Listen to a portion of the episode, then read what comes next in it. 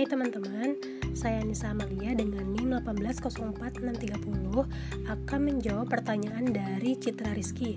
Pertanyaannya adalah, apa contoh konkret pada tahap persuasi dari pengambilan keputusan individu yang tidak menguntungkan inovasi?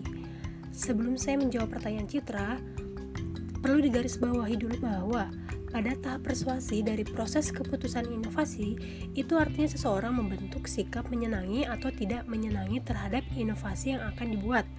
Dan memang dalam tahapan ini, persuasi ini lebih banyak e, keaktifan mental yang memegang peran. Nah, contohnya misalnya gini.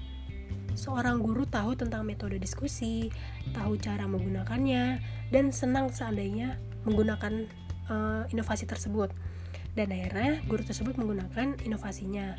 Namun kenyataannya inovasi tersebut tidak bisa berjalan dengan efektif karena beberapa faktor. Yang pertama misalnya tempat duduk siswa yang tidak memungkinkan.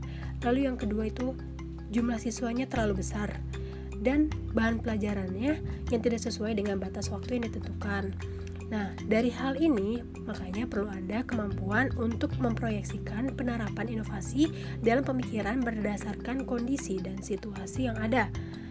Dan untuk mempermudah proses mental itu, perlu adanya gambaran yang jelas tentang bagaimana pelaksanaannya inovasi dan harus difikirkan sampai pada konsekuensi inovasi yang akan diciptakan.